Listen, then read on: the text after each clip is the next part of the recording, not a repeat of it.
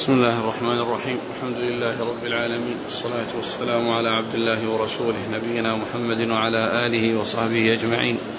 أما بعد فيقول أمير المؤمنين في الحديث أبو عبد الله محمد بن إسماعيل البخاري رحمه الله تعالى يقول في كتابه الجامع الصحيح باب السلام إلى أجل معلوم وبه قال ابن عباس وأبو سعيد والأسود والحسن وقال ابن عمر لا بأس في الطعام الموصوف بسعر معلوم إلى أجل معلوم ما لم يك ذلك في زرع لم يبدو صلاحه. قال حدثنا أبو نعيم قال حدثنا سفيان عن ابن أبي نجيح عن عبد الله بن كثير عن أبي المنهال عن ابن عباس رضي الله عنهما أنه قال قدم النبي صلى الله عليه وآله وسلم المدينة وهم يسلفون في الثمار السنتين والثلاث. فقال اسلفوا في الثمار في كيل معلوم إلى أجل معلوم. وقال عبد الله بن الوليد حدثنا سفيان قال حدثنا ابن أبي نجيح وقال في كيل معلوم ووزن معلوم. بسم الله الرحمن الرحيم. الحمد لله رب العالمين. وصلى الله وسلم وبارك على عبده ورسوله نبينا محمد وعلى آله وأصحابه أجمعين.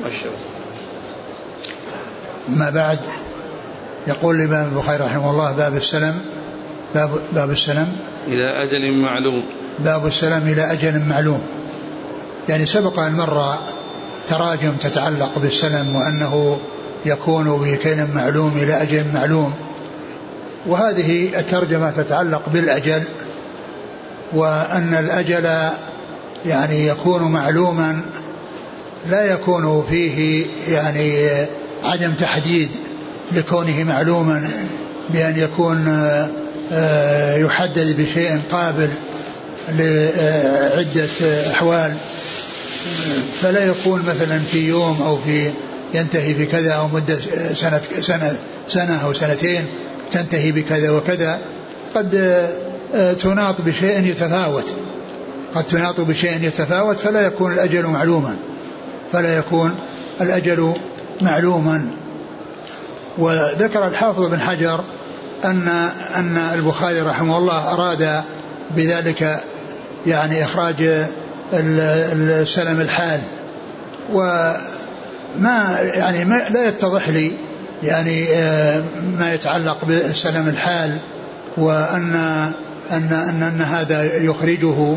فإن السلم آه، آه، فيه أجل طال أو قصر. وأما ما كان فيه تقابض فلا سلم فيه. لا ما كان فيه تقابض لا سلم فيه. وأما إذا كان ليس هناك تقابض وإنما هو آه، سلمت النقود أو قدمت النقود التي هي الثمن على شيء مثمن يعني موصوف في الذمة سواء كان أمده طويل أو أمده قصير كل ذلك يدخل تحت السلم. وأما المقابضة هو التقابض فهذه لا لا سلم فيها لأن السلم لا بد فيه من من تفاوت بين بين وقت البيع ووقت وقت السداد وقت الأداء ومن المعلوم أن أن أن, أن الأجل يجوز أن يكون طويلا وأن يكون قصيرا. فإذا كان قصيرا مثل يوم أو يومين أو يعني من أول النهار وآخر النهار كل هذا فيه أجل. هذا كله يقال فيه أجل. وهذا ليس من قبيل الصرف الذي لا بد فيه من من التقابض وأن النساء فيه لا يصح. وقد مر بنا يعني مرت بنا الأدلة على ذلك وأنه لا يصح الصرف يعني إلا بالتقابض يعني سواء كان فيه نسيئة أو كان يعني ربا الفضل فإن لا بد من التقابض وإذا اختلف الجنس لا بد من التقابض ولكن يكون التفاضل لا بأس به إذا اختلف الجنس. فهنا قال إن أن هذا يعني أن أن هذا أنه يخرج الدين الناس السلم الحال ولا يظهر لي هذا الذي مع أنه ذكر يعني بعض الآثار عن الصحابة وفيها ما يتعلق بجهالة الأجل بجهالة الأجل وأن الأجل يكون مثل قدوم الحاج أو مثل وقت الصرام ووقت كذا وكذا فإنه يتفاوت ليس يعني محددا. قال باب السلام السلام. إلى أجل معلوم. إلى أجل معلوم نعم. وبه قال ابن عباس وأبو سعيد والأسود والحسن. وبه قال ابن عباس وأبي سعيد ابن عباس وأبو سعيد والأسود و والحسن. والحسن. يعني هؤلاء قالوا بهذا الذي ترجم له البخاري. ثم إنه لما أتى بالآثار يعني تبين أن فيها شيء يعني لا يعني ذلك أن الدين الحال أن الحال أن سلم الحال أنه يكون بخلاف لأن منهم من ذكر أن الأجل ليس محددا بالضبط. يعني كما جاء في حكاية أو نقل بعض هذه الآثار التي نقلها الحافظ بن حجر من الأماكن التي أسندوها فيها. إيش قال فيها؟ وبه قال ابن عباس. وبه قال ابن عباس أي باختصاص السلب بالأجل. نعم. وقوله وأبو سعيد هو الخدري والحسن أي البصري والأسود أي ابن يزيد النخعي. اختصاصه بالأجل اختصاصه بالأجل نعم في أجل. والأجل ليس بلازم أيضا. ليس بلازم. لو أن إنسان أعطى شيء ولم يحدد له أجل وقال إذا يعني يسر الله لك تأتيني به فإن ذلك جائز أيضا.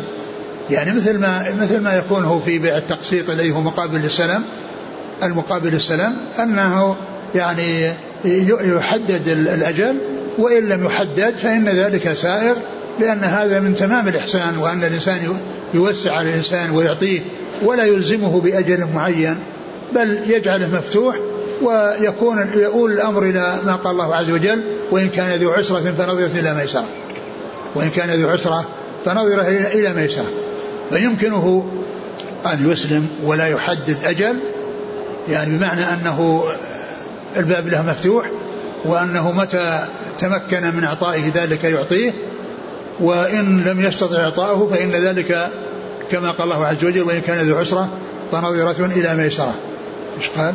قال إيش؟ أي باختصاص السلم بالأجل. نعم. وقال أبي سعيد والحسن البصري يعني أنه ما في ما يكون في الحال. والحال يعني إن كانت المسألة يعني مقابضة هذا ما في ما في سلم. وإن كانت غير مقابضة فإن الأجل يكون طويلا ويكون قصيرا. يكون يمكن أن يكون طويلا ويمكن أن يكون قصيرا ويمكن أن يترك التأجيل. يعني من أجل التوسعة. نعم.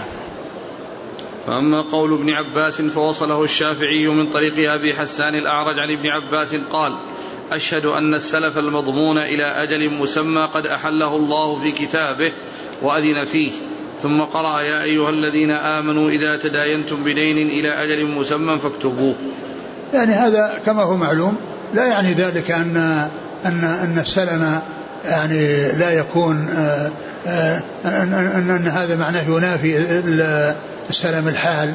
لأن السلم الحال آه، إذا كان إلى أجل سواء كان قصيرا أو طويلا وهو شيء موصوف في الذمة يعني اشترى منه شيء موصوف في الذمة سواء يسلم له يعني اليوم آخر النهار أو يسلمه بكرة هذا كله إلى أجل. وإنما الحال هو الذي فيه المقابضة لكن هذا ما يقل السلم لأن السلم لا بد فيه من تفاوت بين الثمن وبين ولا بد فيه من زمان. يعني طال أو قصر. قال أشهد. أن السلف المضمون إلى أجل مسمى قد أحله الله في كتابه إلى أجل مسمى هذا واسع. يعني يدخل فيه القليل والكثير. يدخل فيه الأمد الطويل والشيء المقصود شيء مضمون في الذمة. ومعلوم أن المضمون في الذمة أنه يعني لا يختص بالثمار ولا يختص بالزروع وإنما يكون ب ب ب بكل شيء يكون ب بكل شيء يكون بما يكال وبما يوزن وبما يذرع وبما يعد كل ذلك يعني يجوز فيه السلام. نعم. قال إيش؟ الضمان؟ أشهد أن السلف المضمون إلى أجل مسمى. يعني مضمون في الذمة يعني شيء موصوف مضمون يعني إلى أجل مسمى. يعني وهذا الأجل المسمى يمكن أن يكون طويلا ويمكن أن يكون قصيرا. نعم.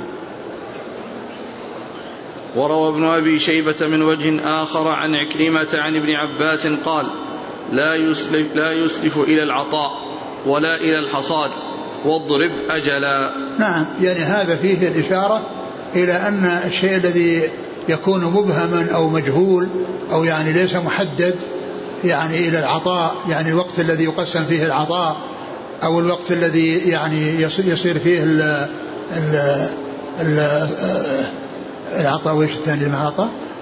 لا يسرف إلى العطاء ولا إلى الحصاد نعم لا إلى العطاء وإلى ولا إلى الحصاد وإنما يعني يكون في الوقت يعني المحدد يحدد له شيء معين يعني زمن معين يعني سنة كاملة أو يعني أشهر ولكن يحددها بشهر. ما يحددها بشيء ينتهي إلى إبهام وإلى إجمال لأن زمن الحصاد يتفاوت فيه تفاوت وكذلك العطاء أيضا يتفاوت. نعم. العطاء الذي هو عطاء الأشياء التي آه، تعطى يعني للناس من بيت المال في وقت معين. نعم. ومن طريق سالم بن أبي الجعد بن ابن عباس بلفظ آخر سيأتي وأما قول أبي سعيد فوصله عبد الرزاق من طريق من طريق نبيح العنزي. عن أبي سعيد قال السلم بما يقوم به السعر ربا ولكن السلم بما يقوم به السعر ربا. نعم. ولكن أسلف في كيل معلوم إلى أجل معلوم. يعني أن الكيل يعني لا بد منه. وأما لو الجملة الأولى السلم. بما يقوم به السعر ربا. يعني إنه غير محدد يعني الشيء الذي يعني الذي يباع. وإنما يعني يصير يعني و و و إنما يقوم بالسعر وايش الباقي؟ السلم بما يقوم به السعر ربا. ولكن أسلف في كيل معلوم إلى أجل معلوم. نعم يعني في شيء معين يعني أوسع معينة يعني آه، والأجل يعني كذلك معلوم محدد بالأشهر أو بالسنة ولا يكون بالشيء الذي يعني فيه إبهام أو إجمال. نعم. وأما قول الحسن فوصله سعيد بن منصور من طريق يونس بن عبيد عنه أنه كان لا يرى بأسا بالسلف في الحيوان إذا كان شيئا معلوما إلى أجل معلوم. يعني وهذا أيضا يعني يتعلق بالسلف بالحيوان والحيوان يعني شيء معلوم يعني يكون شيء موصوفا بالذمة. يعني بمعنى أنه يدفع يعني آه يعني آه يدفع نقود على حيوان وأن هذا الحيوان موصوف بالذمة بأنه كذا وأنه كذا بحيث يعرف ولا يصير هناك يعني إشكال. وأما بالنسبة لل بيع الحيوان بالحيوان نسيئة فقد مر بنا أن ذلك جائز سواء كان يعني آه، فيما يتعلق بالبعير بالبعيرين أو يعني آه، وسواء كان حاضرا أو مؤجلا. كل ذلك صحيح لأن هذا ليس من قبيل الصرف الذي لا بد فيه من التقابض ولا بد فيه من التساوي. نعم. وأما قول الأسود فوصل ابن أبي شيبة من طريق الثوري عن أبي إسحاق عنه قال سألته عن السلم في الطعام فقال لا بأس به كيل معلوم إلى أجل معلوم. نعم. وعن ومن طريق سالم بن أبي الجعل عن ابن عباس قال إذا سميت في السلم قفيزا وأجلا فلا بأس. يعني قفيزا اللي هو شيء معلوم مكيال واجلا يعني محدد. فلا بأس لأن فيه كيل معلوم وأجل معلوم. قال واستدل بقول ابن عباس الماضي لا تسلف إلى العطاء لاشتراط تعيين وقت الأجل بشيء لا يختلف فإن زمن الحصاد يختلف ولو بيوم وكذلك خروج العطاء. ومثله قدوم الحاج وأجاز ذلك مالك وافقه أبو ثور واختار ابن خزيمة من الشافعية تأقيته إلى الميسرة. واحتج بحديث عائشة أن النبي صلى الله عليه وسلم بعث إلى يهودي ابعث لي ثوبين إلى الميسرة. وأخرجه النسائي. وطعن ابن المنذر في صحته بما وهم فيه والحق أنه لا دلالة فيه على المطلوب لأنه ليس في الحديث إلا مجرد الاستدعاء فلا يمتنع أنه إذا وقع العقد ليس فيه؟ ليس لأنه ليس في الحديث إلا مجرد الاستدعاء. نعم. فلا يمتنع أنه إذا وقع العقد قيد بشروطه ولذلك لم يصف الثوبين. نعم يعني قضية تحديد الأجل وكونه إلى الميسرة يعني لا بأس به. يعني سواء كان سلما أو كان الذي هو بيع الآجال بأن يقدم المثمن ويؤجل الثمن ولا يحدد يعني مدة لتسليمه. أو يقدم الثمن ويؤجل المثمن الذي هو السلم ولا يحدد. وقد سبق أن مر بنا فيما يتعلق بالرهن. أن كل منهما يجوز في فيما فيه الرهن لأنه دين في الذمة سواء كان عينا الذي هو ما يتعلق بالسلم أو كان نقدا الذي هو البيع بالآجال والذي يسمونه بيع التقسيط. فإن فإن الحديث الذي ورد في قصة الرهن إنما جاء في الثمن المؤجل وليس في المثمن ولكنه أورده لبيان أن الحكم واحد. وأنه سواء كان المؤجل الثمن الذي هو بيع الآجال والثمن مؤجل أو بيع السلم الذي فيه المثمن يعني مؤجل.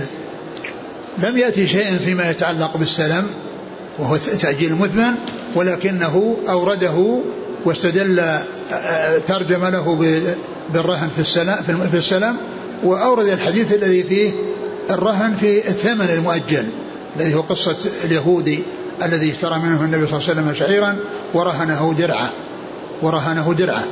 فإنه لما أورد في الترجمة السلام في الأجل السلام في الرهن في السلام أورد هذا الحديث الذي يتعلق بالسلام الذي يتعلق بالأجل. وليس فيه شيء يتعلق بالسلام لكن كل منهم مشترك في أن فيه تأجيل وسواء كان الثمن مؤجلا أو المثمن مؤجلا فإنه يجوز فيه الرهن لأن الرهن آه، يتمكن الإنسان عند حلول الأجل من أخذ حقه من من العين المرهونة وسواء كان الذي في ذمته نقودا الذي هو بيع الآجال أو كان آه، آه، يعني سلما الذي هو تأخير المثمن فإن كله يحتاج إلى يجوز فيه الرهن وسوى بينهما بأن الأمر في ذلك واحد لأن كل ذلك فيه تأجيل نعم لكن هنا ما, ما في رهن الآن لا بعث إلى يهودي أنا أمثل أنا ذكرت أن أن أن أن أن أن أن أن أن أن يعني في في مسألة سابقة أنا ذكرت أن الحديث جاء فيه ذكر الرهن في السلام والسلام لم يرد فيه نص ما يتعلق بالسلام لكن جاء النص بتعلقه بالثمن الذي هو قضية الذي حصل من الرسول صلى الله عليه وسلم. لكن البخاري أورد ذلك لأنه لأن كل ما أنه في تأجيل هذا تأجيل الثمن وهذا تأجيل المثمن وكلهما يجوز فيه الرهن. نعم. هنا هذا الحديث. واحتج بحديث عائشة أن النبي صلى الله عليه وسلم بعث إلى يهودي ابعث لي ثوبين إلى الميسرة. هذه كلمة ميسرة جبتها عشان ميسرة. أنا أقول الميسرة أنه لا يلزم فيه تحديد الأجل. نعم. احتجاجهم على جواز السلم. والآن أورده قال واختار ابن خزيمة من الشافعية تأقيته إلى الميسرة تأقيت السلم. إيه أنه جائز الحديث ما فيه السلم نعم. أن ابعث إلي ثوبين إلى الميسرة. استدلال ابن خزيمة بهذا الحديث على أن السلم يجوز إلى الميسرة. إيه هو أصلا ال ال الأجل الأجل يعني ليس بلازم إذا كان الإنسان يريد الإحسان بأن يقول أنا خذه ومتى يسر الله تعطيني إياه سواء كان قرضا أو كان بيعا والثمن مؤجل أو كان سلما والمثمن مؤجل يعني يجوز فيه عدم التأجيل وإنما الذي لا يجوز التأجيل الذي يكون فيه اختلاف. ويكون غير محدد. إذا كان التأجيل فلا بد أن يكون محدد.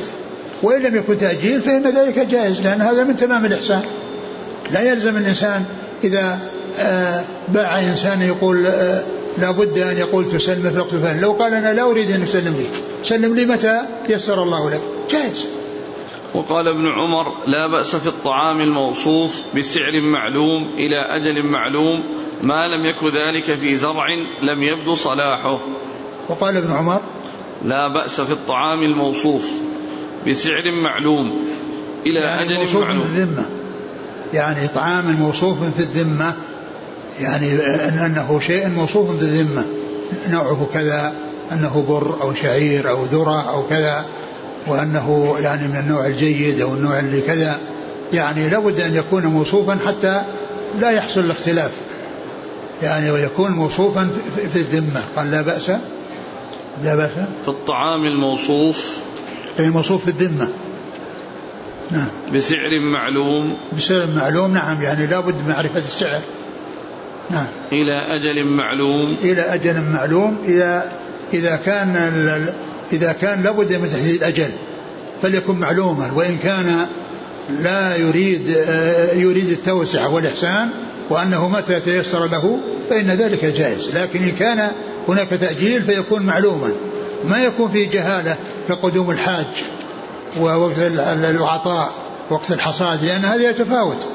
الحج يعني فيهم متعجل وفيهم من يتأخر ويكون بينهما مسافة.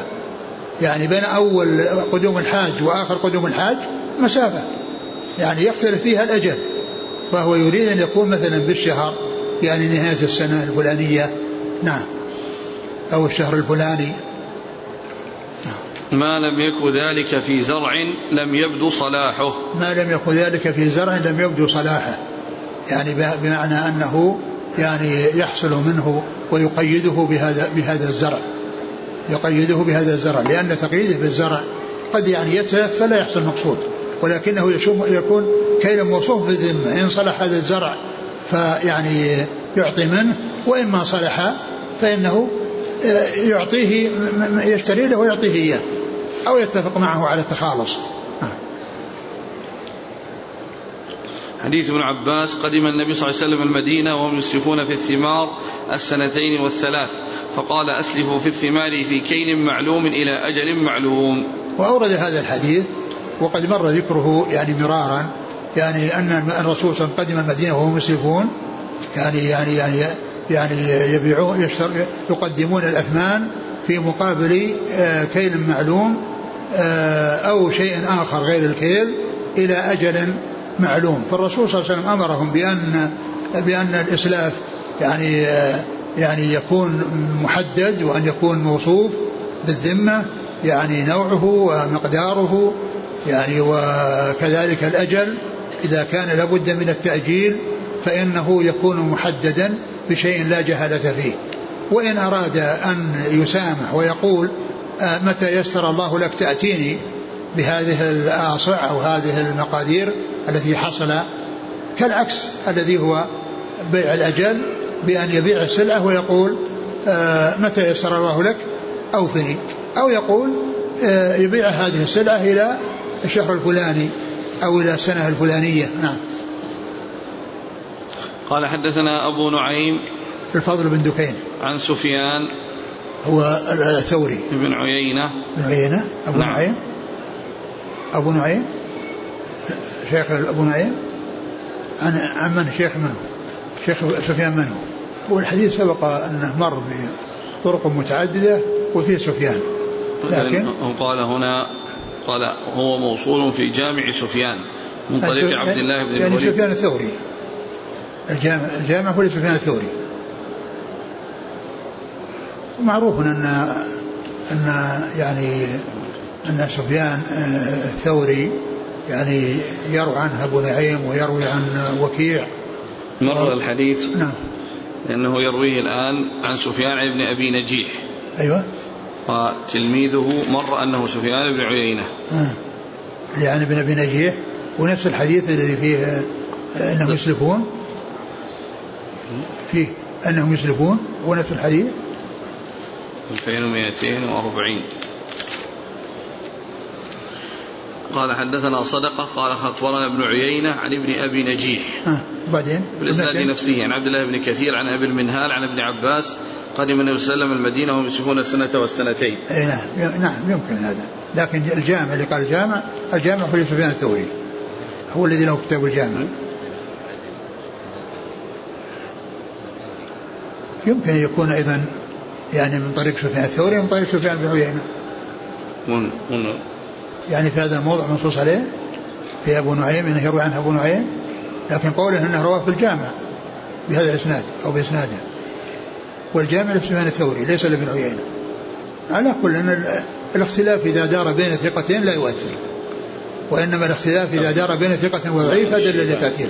أما إذا دار بين أن يكون فلان أو فلان وكلهم ثقة سواء كان هذا أو هذا الحديث لا إشكال فيه. الصحة لا إشكال فيه. عن ابن أبي نجيح. نعم هو عبد الله. عن عبد الله بن كثير. نعم هو المقري أو القاري المقري. عن أبي المنهال. عن أبي المنهال وهو عبد الرحمن بن مطعم. نعم. عن ابن عباس. نعم. وقال عبد الله بن الوليد. العدني. عن سفيان. بن عيينة عن ابن نعم. أبي نجيح. عن سفيان عن ابن أبي نجيح. نعم. قال قال قال. قال وقال في كيل معلوم وزن معلوم.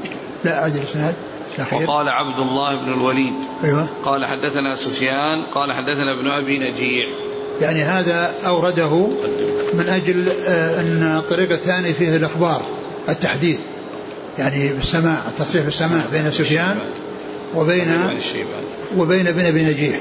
والأول بالعنعنة نعم الأول بالعنعنة. أي أراد أن يبين نعم. نعم. وكل من السفيانين يعني مدلس والمعروف التدليس أكثر في سفيان الثوري وأبا معينة فهو مدلس ويقال أنه لا يدلس إلا عن الثقات. لا يدلس إلا عن الثقات. نعم. تحديث يعني قوله يعني الذي يحذف يكون ثقة إذا دلس. نعم نعم. قال حدثنا محمد بن مقاتل قال أخبرنا عبد الله قال أخبرنا سفيان عن سليمان الشيباني. هذا سفيان هو الثوري الآن. عن محمد بن أبي مجالد قال أرسلني أبو بردة وعبد الله بن شداد. إلى عبد الرحمن بن أبزة وعبد الله بن أبي أوفى رضي الله عنهما فسألتهما عن السلف فقال كنا نصيب المغانم مع رسول الله صلى الله عليه وسلم فكان يأتينا أنباط من أنباط الشام فنسلفهم في الحنطة والشعير والزبيب إلى أجل مسمى. قال قلت أكان لهم زرع أو لم يكن لهم زرع؟ قال ما كنا نسألهم عن ذلك. وهذا الحديث مر وأن فيه أنه لا يلزم أن يكون السلف في في شيء له أصل بأن يقول في هذا النخل أو من هذا النخل بل هو شيء موصوف في الذمة. وقد أورد يعني فيما مضى ترجمة في أن الإسلام أن أن أن, أن الإسلام يكون أو الإسلاف يكون بشيء لا لا لابد لا يلزم أن يكون له أصل بأن يكون يعني ثمر في نخل أو حب في زرع. وإنما شيء موصوف في الذمة ولا يحدد لأنه قال كما في هذا الحديث أنهم كانوا يصيبون الغنائم مع رسول الله صلى الله عليه وسلم ثم يعني يأتيهم الأنباط. معيش الغنائم؟ كنا نصيب الغنائم؟ كنا نصيب المغانم مع رسول الله نعم. صلى الله عليه وسلم. المغانم يعني إنهم يحصلون الغنيمة ويملكونها ثم يعني يسلفون إلى أنباط من أنباط الشام. وقد مر بنا في الدرس الماضي أن الأنباط هم جماعة من العرب يعني آه، انتقلوا إلى تلك البلاد وصار بعضهم قريبا من بلاد الشام أو في بلاد الشام اللي هي بلاد الروم اللي كان فيها الروم وكذلك في بلاد جهة العراق. ويقال لهم الأنباط لأنهم كانوا يستنبطون الماء فلاحين يستنبطون, يستنبطون الماء. ف فكانوا يعطونهم من الذي يصيبوه من الغنائم على أنها ثمن ويكون المثمن ذلك الذي يحصلونه من من من الزرع أو من من من الحبوب التي يعني تكون هي الشيء المسلم فيه أو المسلم فيه وكان كان يسألونهم هل كان لهم أصل يعني فيه زرع عندهم أو عندهم نخل؟ قال ما كنا نسألهم. يعني أنه يسلم في شيء في الذمة ولا يلزم أن يكون في في نخل معين أو في ثمن معين أو في زرع معين. نعم. قال حدثنا محمد بن مقاتل هو المروزي. عن عبد الله ابن المبارك المروزي. عن سفيان هو؟ الثوري نعم. عن سليمان الشيباني نعم أبي إسحاق عن محمد بن أبي مجالد نعم. عن أبي بردة ابن أبي موسى أبي بردة بن عبد الله. قال أبي بردة لا أبي بردة بن موسى. ابن أبي موسى؟ نعم. نعم. هذا ابن أبي موسى. وفيه فيه حفيده حفيد بريد بن عبد الله. بريد كنيته أبو بردة. فأحيانا يأتي أبو بردة عن أبي بردة. وأحيانا وكثيرا ما يأتي ذكره باسمه بريد. وكنيته كنية, كنية جده. وهو يروي عن جده أبي بردة عن ابي عن ابي عن ابي عن ابي عن أبي موسى الذي هو أبو بردة الجد. يعني رواية حفيد عن جده والجد يروي عن أبيه. حفيد عن جد وابن عن أب. نعم. قال أرسلني أبو بردة وعبد الله بن شداد إلى عبد الرحمن بن أبي أبزة وعبد الله بن أبي أوفى. بن أبي أبزة؟ عبد الرحمن بن أبزة. نعم. وابن أبي أوفى نعم. عبد الله بن أبي أوفى. نعم. قال حدث قال رحمه الله تعالى باب السلم إلى أن تنتج الناقة. قال حدثنا موسى بن إسماعيل قال أخبرنا جويرية عن نافع عن عبد الله رضي الله عنه أنه قال كانوا يتبايعون الجزور إلى حبل الحبلة. فنهى النبي صلى الله عليه وسلم عنه فسره نافع أن تنتج الناقة ما في بطنها. يعني السلم إلى حبل الحبلة. حبل الحبلة يعني هو بيع من بيوع الجاهلية وكان يعني جاء النهي عنه في الإسلام. وحبل الحبلة هو أن يعني آه، تكون ناقة مثلا مشهورة يعني بأنها من كرائم المال أو دابة تعتبر من كرائم المال فيحرص على نسلها فتجدهم يحرصون على أن يحصلوا الشيء من نسلها سواء من نسلها أو من نسل نسلها. فيكون يعني في ذلك حرصا على الكريمة لأن أمها كريمة يعني يصير البنت كريمة أو بنت البنت تكون كريمة. فكانوا يعني ليس إلى إلى إلى حبل إلى إلى حبل الدابة وإنما حبل حبلها يعني بنتها تكبر ثم تحمل وتلد. فكانوا يتفقون على أن يشتروا من نسلها من نسل من نسل نسلها دابة بكذا من أجل أنها كريمة. أو من من كرائم الأموال لأن أصلها طيب عندهم. فكانوا يحرصون على النوع ويبيعون إلى ذلك الأجل أو يشترون إلى ذلك. يشتري أحدهم ببنت البنت إذا نتجت تلد الجزور ثم ثم تلد بنتها وإذا هذا فهم يسلمون إلى بنت البنت من أجل نفاسة النوع الذي هو. أو أنه تشترى ولكن هذا هو الأقرب. أن الأقرب أنهم من أجل معرفة تحصيل الشيء النفيس. أو أنه يبيع الجزور ويكون ثمنها يعني يعني إذا نتج نتاج إذا حصل نتاج النتاج. وهذا في الغالب ما يعني ليس واضح أنهم يفعلون هذا من أجل هذا وإنما يفعلونه من أجل أنهم يشترون ويعملون السلم بأن يدفع الثمن وتنتظر المثمن إذا جاء نتاج النتاج. نعم. قال حدثنا موسى بن إسماعيل تبوذكي عن جويرية بن أسماء. عن نافع عن عبد الله. نعم. قال رحمه الله تعالى باب الشفعة ما لم يقسم فإذا وقعت الحدود فلا شفعة. قال حدثنا مسدد قال حدثنا عبد الواحد قال حدثنا معمر عن الزهري عن أبي سلامة بن عبد الرحمن عن جابر بن عبد الله رضي الله عنهما أنه قال قضى رسول الله صلى الله عليه وسلم الشفعة في كل ما لم يقسم فإذا وقعت الحدود وصرفت الطرق فلا شفعة. ثم قال الشفعة فيما لم يقسم.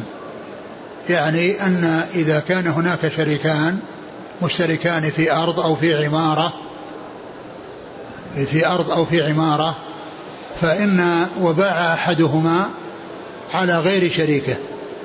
فإن للشريك انتزاع حصة من وصلت إليه بالثمن الذي باعها عليه شريكه. فإذا الشفعة هي انتزاع حصة الشريك ممن بيعت عليه حص انتزاع حصة شريف شريك الذي يعني باع من من الشخص الذي بيعت عليه ينتزعها الشريك الذي لم يبع فيكون الجميع له.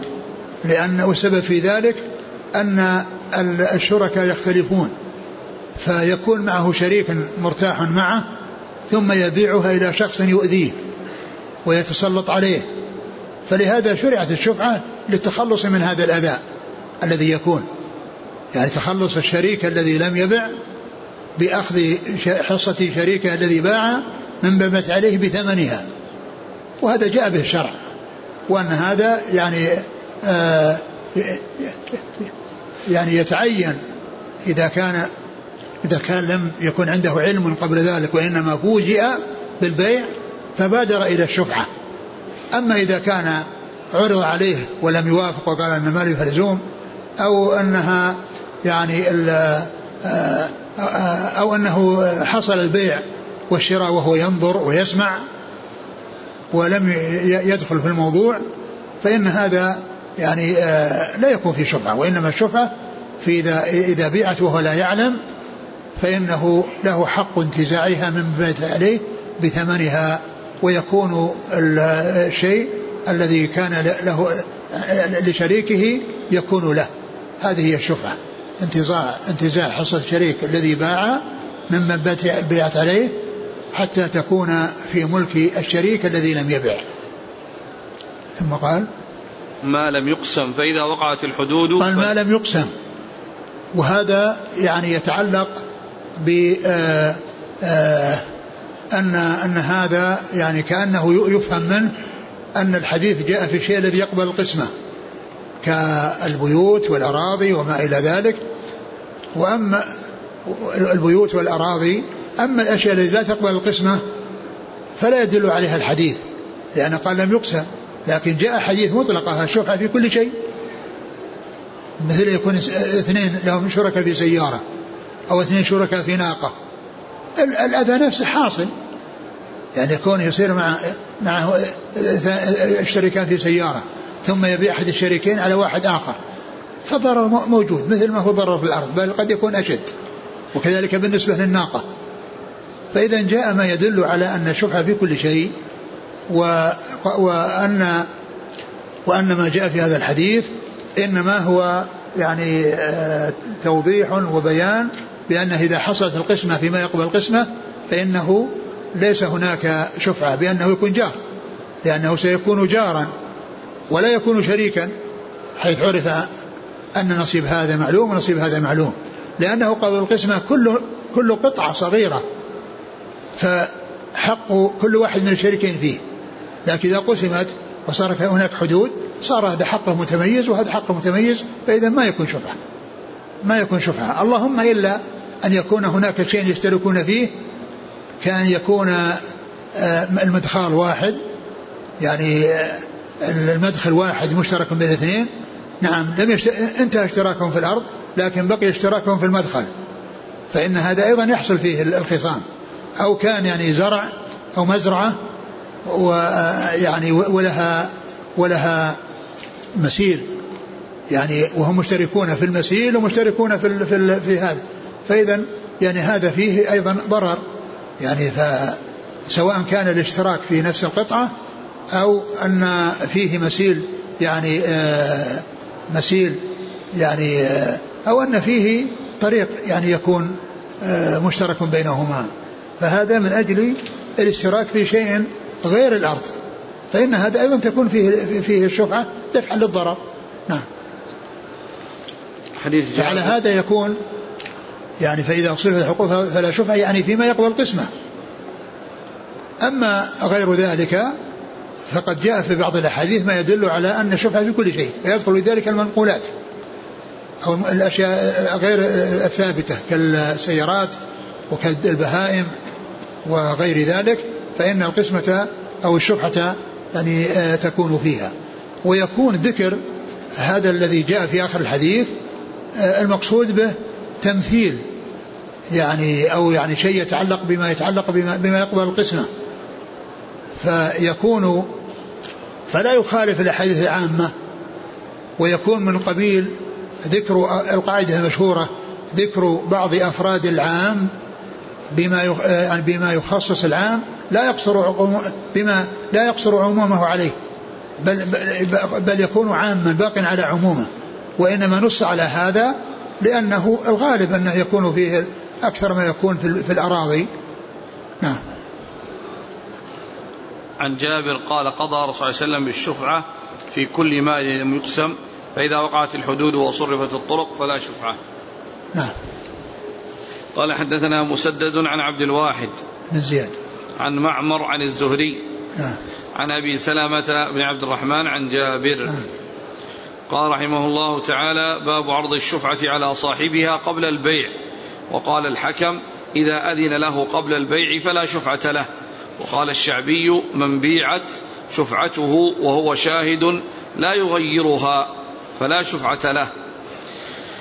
قال حدثنا المكي بن إبراهيم قال أخبرنا ابن جريج قال أخبرني إبراهيم بن ميسرة عن عمرو بن الشريد قال وقفت على سعد بن أبي وقاص رضي الله عنه فجاء المسور بن مخرمة رضي الله عنه فوضع يده على إحدى منكبي إذ جاء أبو رافع مولى النبي صلى الله عليه وسلم فقال يا سعد ابتع مني بيت بيتي بيتي. بيتي في دارك. فقال سعد والله لو ابتاعهم لو والله ما أبتاعهما.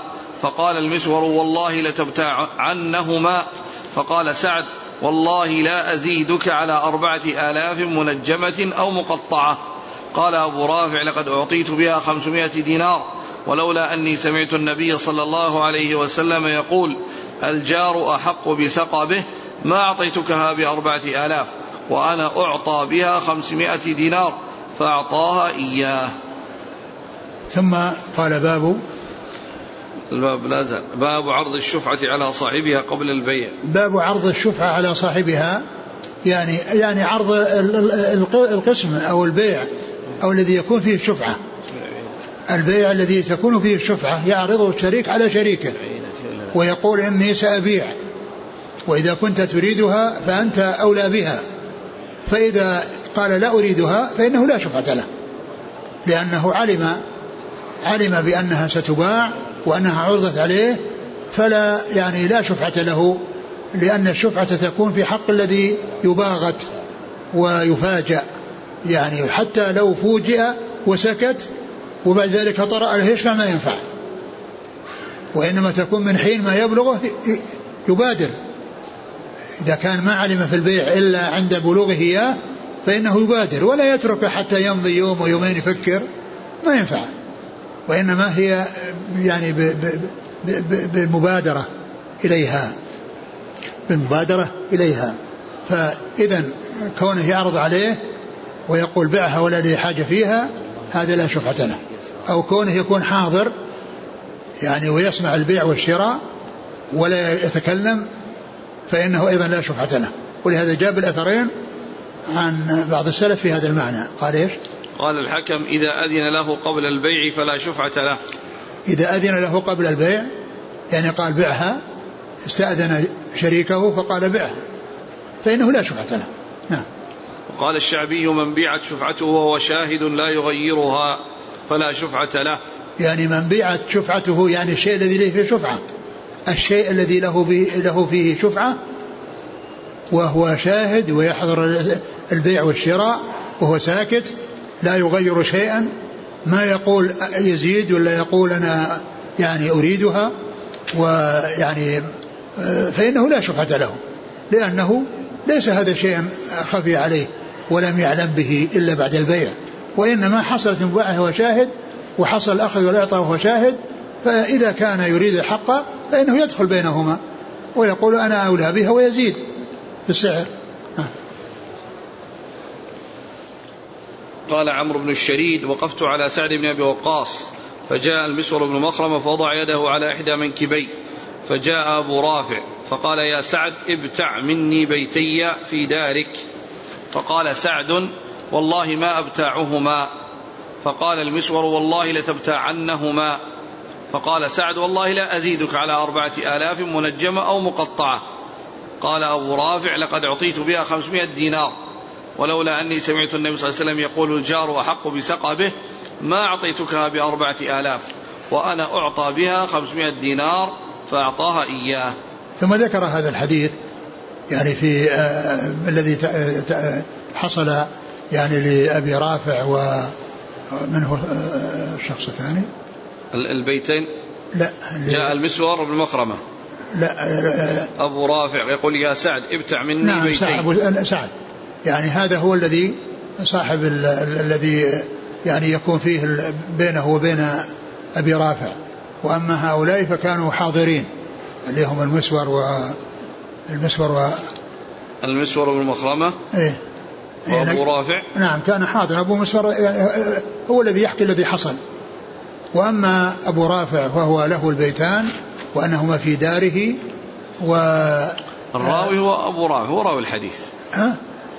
أبو رافع هو راوي الحديث. راوي الحديث. سمعت النبي صلى الله عليه وسلم يقول الجار أحق بسقطه نعم يعني هذا يأخذ عنه الذي هو شو اسمه الذي هو المسور, المسور. نعم نعم والمسور الذي حضر وهو الذي يروي عن أبي رافع.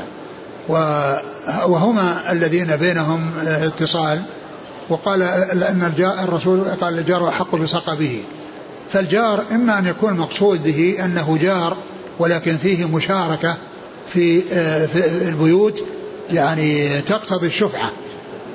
أو يعني أو أن المقصود به إرادة الإحسان إليه بأن لا يأتي له جار يجاوره وإن لم يكن له فيها شفعة إلا أنه من باب الإحسان إلى الجار بأنه يذهب عنه وقد آه، جاء إليه يعني آه، أنه يستقل بنفسه أو يأتي له أو أو يحصل على جار يعني آه، لا يضره.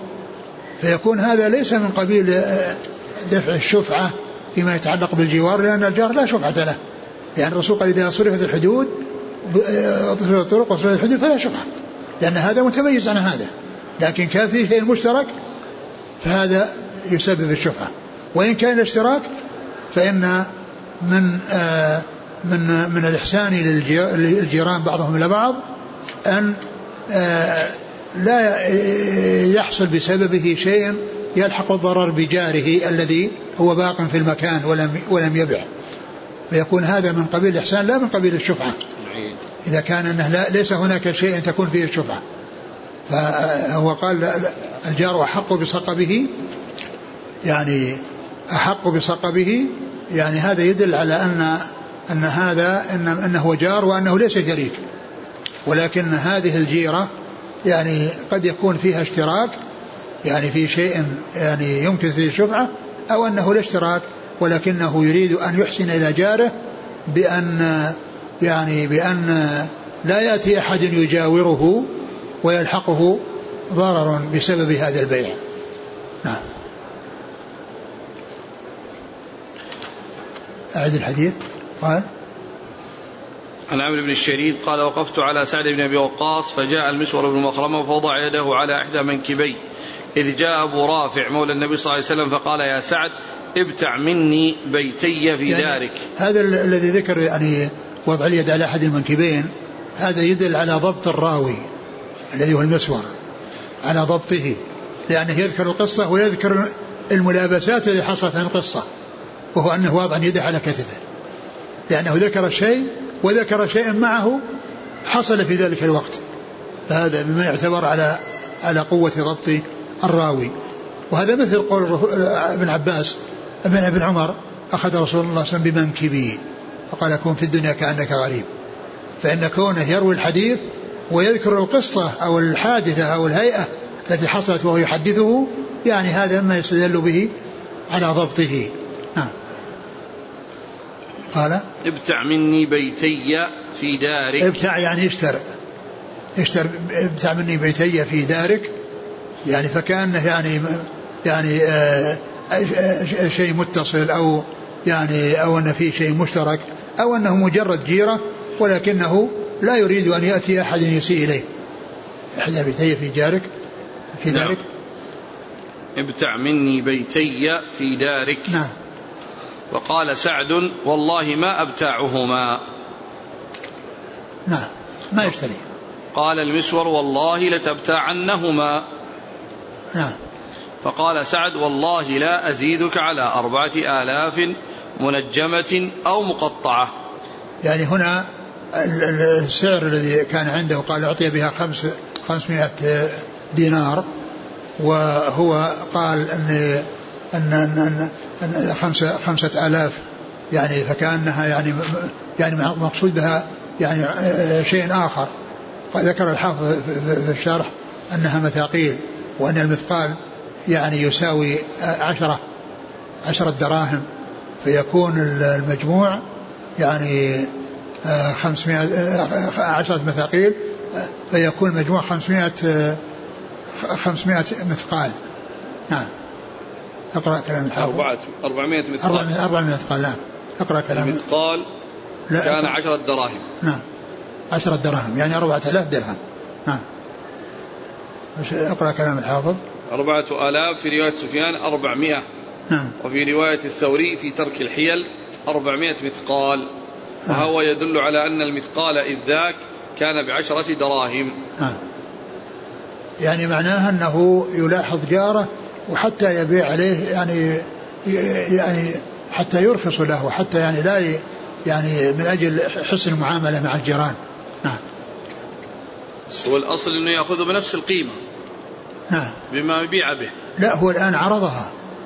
عرضها يعني طلب منه 500 أعطيت بها 500 هذا هو يعني طلبت منه. نعم. لكن لو كان بيعت وأراد الشفعة فإنه يأخذها بالسعر, بالسعر الذي باع. نعم بس إذا كان في شفعة أما إذا كان ما في شفعة لأن الجار لا شفعة له. إذا كان مجرد جوار. إذا كان مجرد جوار لا شفعة له. ولكن من مكارم الأخلاق أن الإنسان لا يعني يبيع آه، سلعته وبشيء يلحق ضررا في جاره.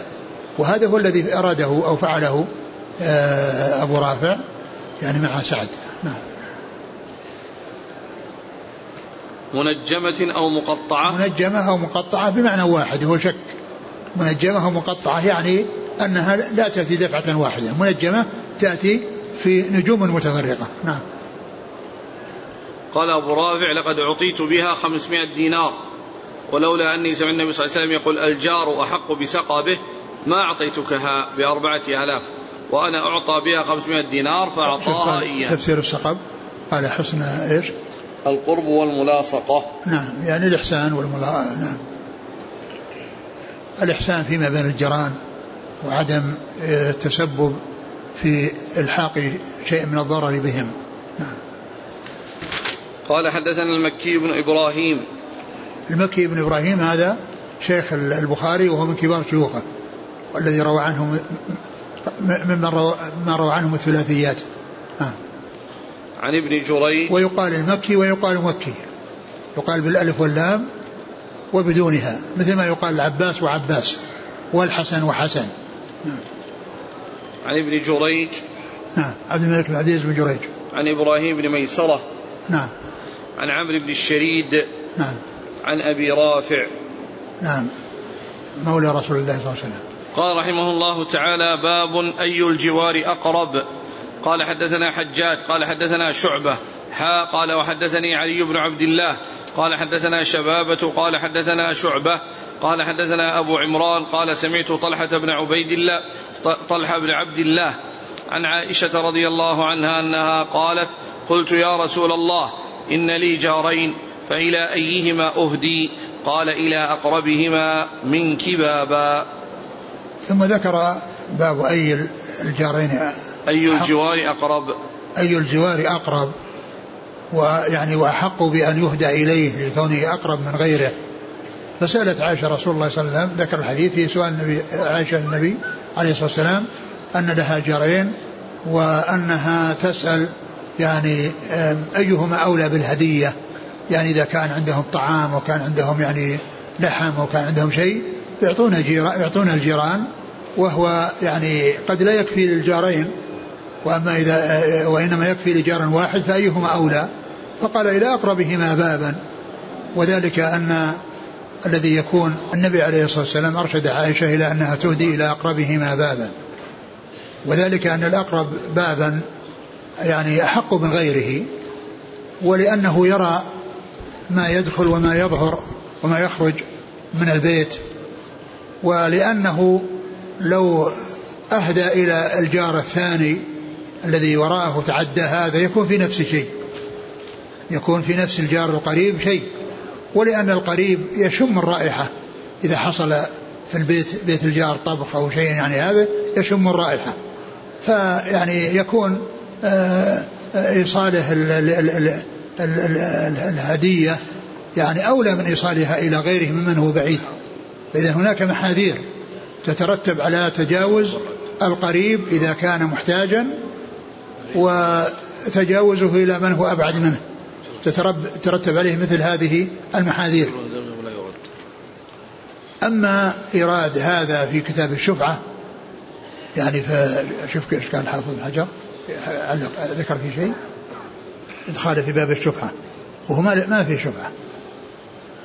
يقول أشار بأترم إلى أن لفظ الجار في الحديث الذي قبله ليس على مرتبة واحدة.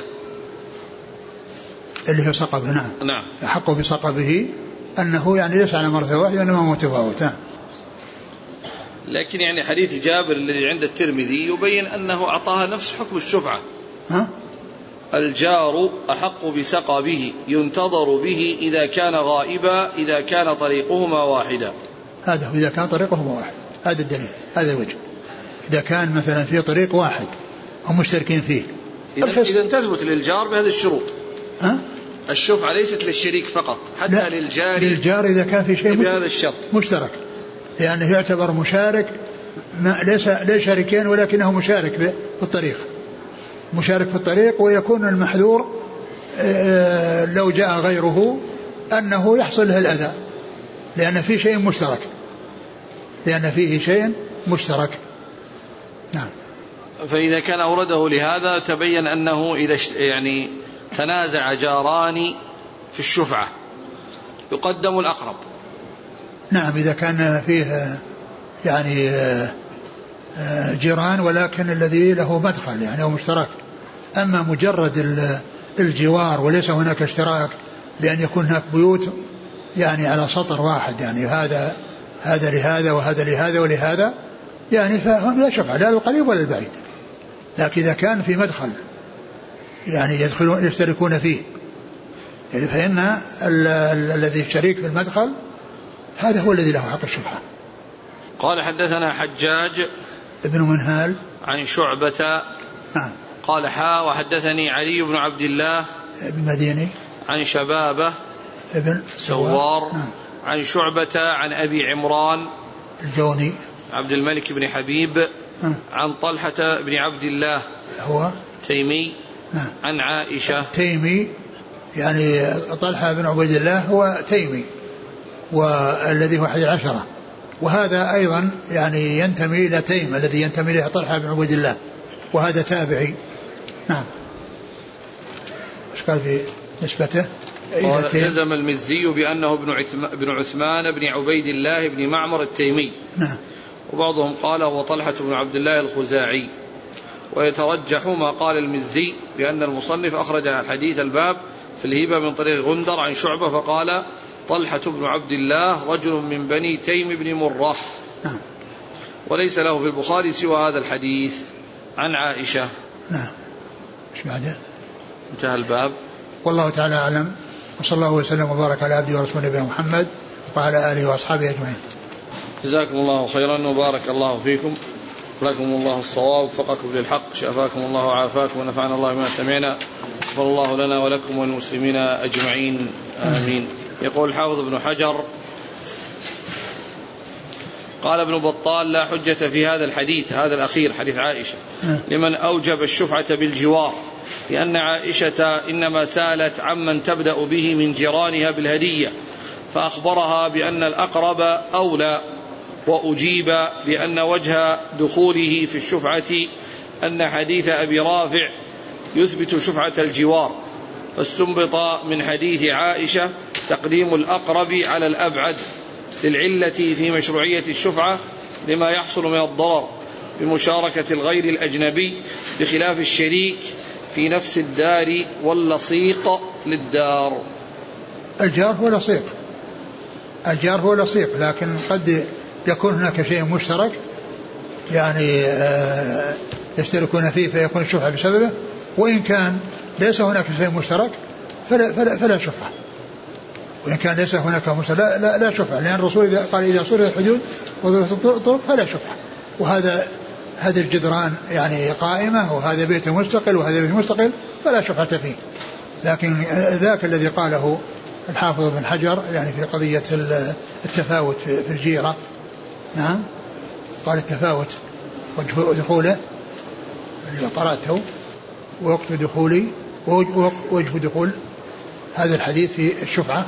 أن حديث أبي رافع يثبت شفعة الجوار فاستنبط من حديث عائشة تقديم الأقرب على الأبعد للعلة في مشروعية الشفعة لما يحصل من الضرر بمشاركة الغير الأجنبي بخلاف الشريك في نفس الدار واللصيق للدار. هذا هو هذا الشيء الذي الذي يكون فيه اشتراك وأما مجرد جوار إذا آه، كل الناس متجاورين والبيوت كلها متجاورة وتكون متصلة وتكون في شارع واحد كل واحد يعني له له له بابه ويفصل بينه وبين صاحبه الجدار. يعني معناه أنه يصير كل جار يشفع. وهذا إنما يكون في الشيء الذي فيه اشتراك. وأما الشيء لا اشترك فيه ف فإنه لا يحصل فيه شفعه بأن يكون طريق واحد هذا مشترك. عدد من الأسئلة في بيان الفرق بين السلم وبيع ما لا يملك. يعني بيع ما لا يملك يعني بأن يبيع شيئا يعني آه، آه، لا يملكه بأن يعني يبيعه يعني شيء يعني آه، بحيث يقول يعني يأتيه أحد يشتري ويقول اجلس انتظر ثم يعني يتفق معه على بيع ثم يذهب ويشتري من من جاره أو من أحد بعيد ثم يأتي. لأنه لا يملكه. لأن من شرط ذلك أن يكون يملك. أما مساله السلم فهو شيء موصوف في موصوف في الذمة. يعني شيء موصوف في الذمة. إذا جاء الأجل يحضره لأن أخذ القيمة و والشيء الموصوف بالذمة يعني إذا جاء الاجل يأخذه وإن كان عليه رهن فإنه يبيعه ويستوفي منه. فإنه يبيعه ويستوفي منه. فإذا بيع ما لا يملك أنه يبيع شيئا يعني آه، آه، حال على اعتبار أنه يروح يأتي به. وأما هذا بيع شيء موصوف في الذمة. يعني يصف يعني أن في الوقت الفلاني يحضر له كذا وكذا وهذا هو الذي جاء في الحديث. لأنه شيء موصوف بالذمة من ناحية النوع ومن ناحية الأجل. من ناحية النوع ومن ناحية القدر ومن ناحية الأجل. هذا يقول اشتريت عطورا وقالوا لي بأنها محرمة لأن فيها نسبة كحول. أنا اشتريت كمية كبيرة أريد أن تكون هدايا فما العمل؟ آه، العطور التي يقال فيها هذا فيها خلاف بين أهل العلم في هذا الزمان. ولكن لا شك أن أن الطيب الطيب كثير والإنسان يقدم على شيء لا شبهة فيه ويترك ما فيه شبهة. والرسول عليه الصلاة والسلام قال دع ما يريبك إلى ما لا يريبك. يعني دع ما يريبك من الشيء الذي فيه شبهة كهذه العطور العطور التي يقال فيها يعني شيء من الكحول وإلى شيء لا شبهة فيه وهو الطيب الذي لا إشكال فيه. كالمسك وغيره. يسأل هذا عن فتح عيادة للطب البيطري وما حكم أخذ المال مقابل علاج هذه الحيوانات؟ إيش إيش؟ عيادة في الطب البيطري. أيوه. ما حكم فتح عيادة بهذا العمل؟ والله ما أدري هل هل هذا يحتاج إلى فتح عيادة؟ أن البقر والدواب تأتي وتدخل في, في العيادة؟ يعني أما كونه يأخذ يعالج البهائم بدون فتح عيادة وأنه يأخذ شيئا مقابل العلاج هذا لا بأس به. سواء يعالج آدميين أو يعالج حيوانات. العلاج أخذ الأجرة عليه سائغة. لكن كونه يفتح عيادة يعني ما أدري من أسلم في زرع إلى العام القادم في وزن معلوم ووقت معلوم لكنه لا يملك أصل الزرع فهل يدخل في بيع ما لا يملك؟ لا. لأن لأنه ليس من شرط السلم أن يكون بشيء موجود أو بشيء يعني معين وإنما هو شيء في الذمة لأن حتى لو أسلم في بستان وما أطلع فيلزمه في ذمته أن يأتي بهذا ما هو بيتركه حتى يكون بعد سنة أو سنتين.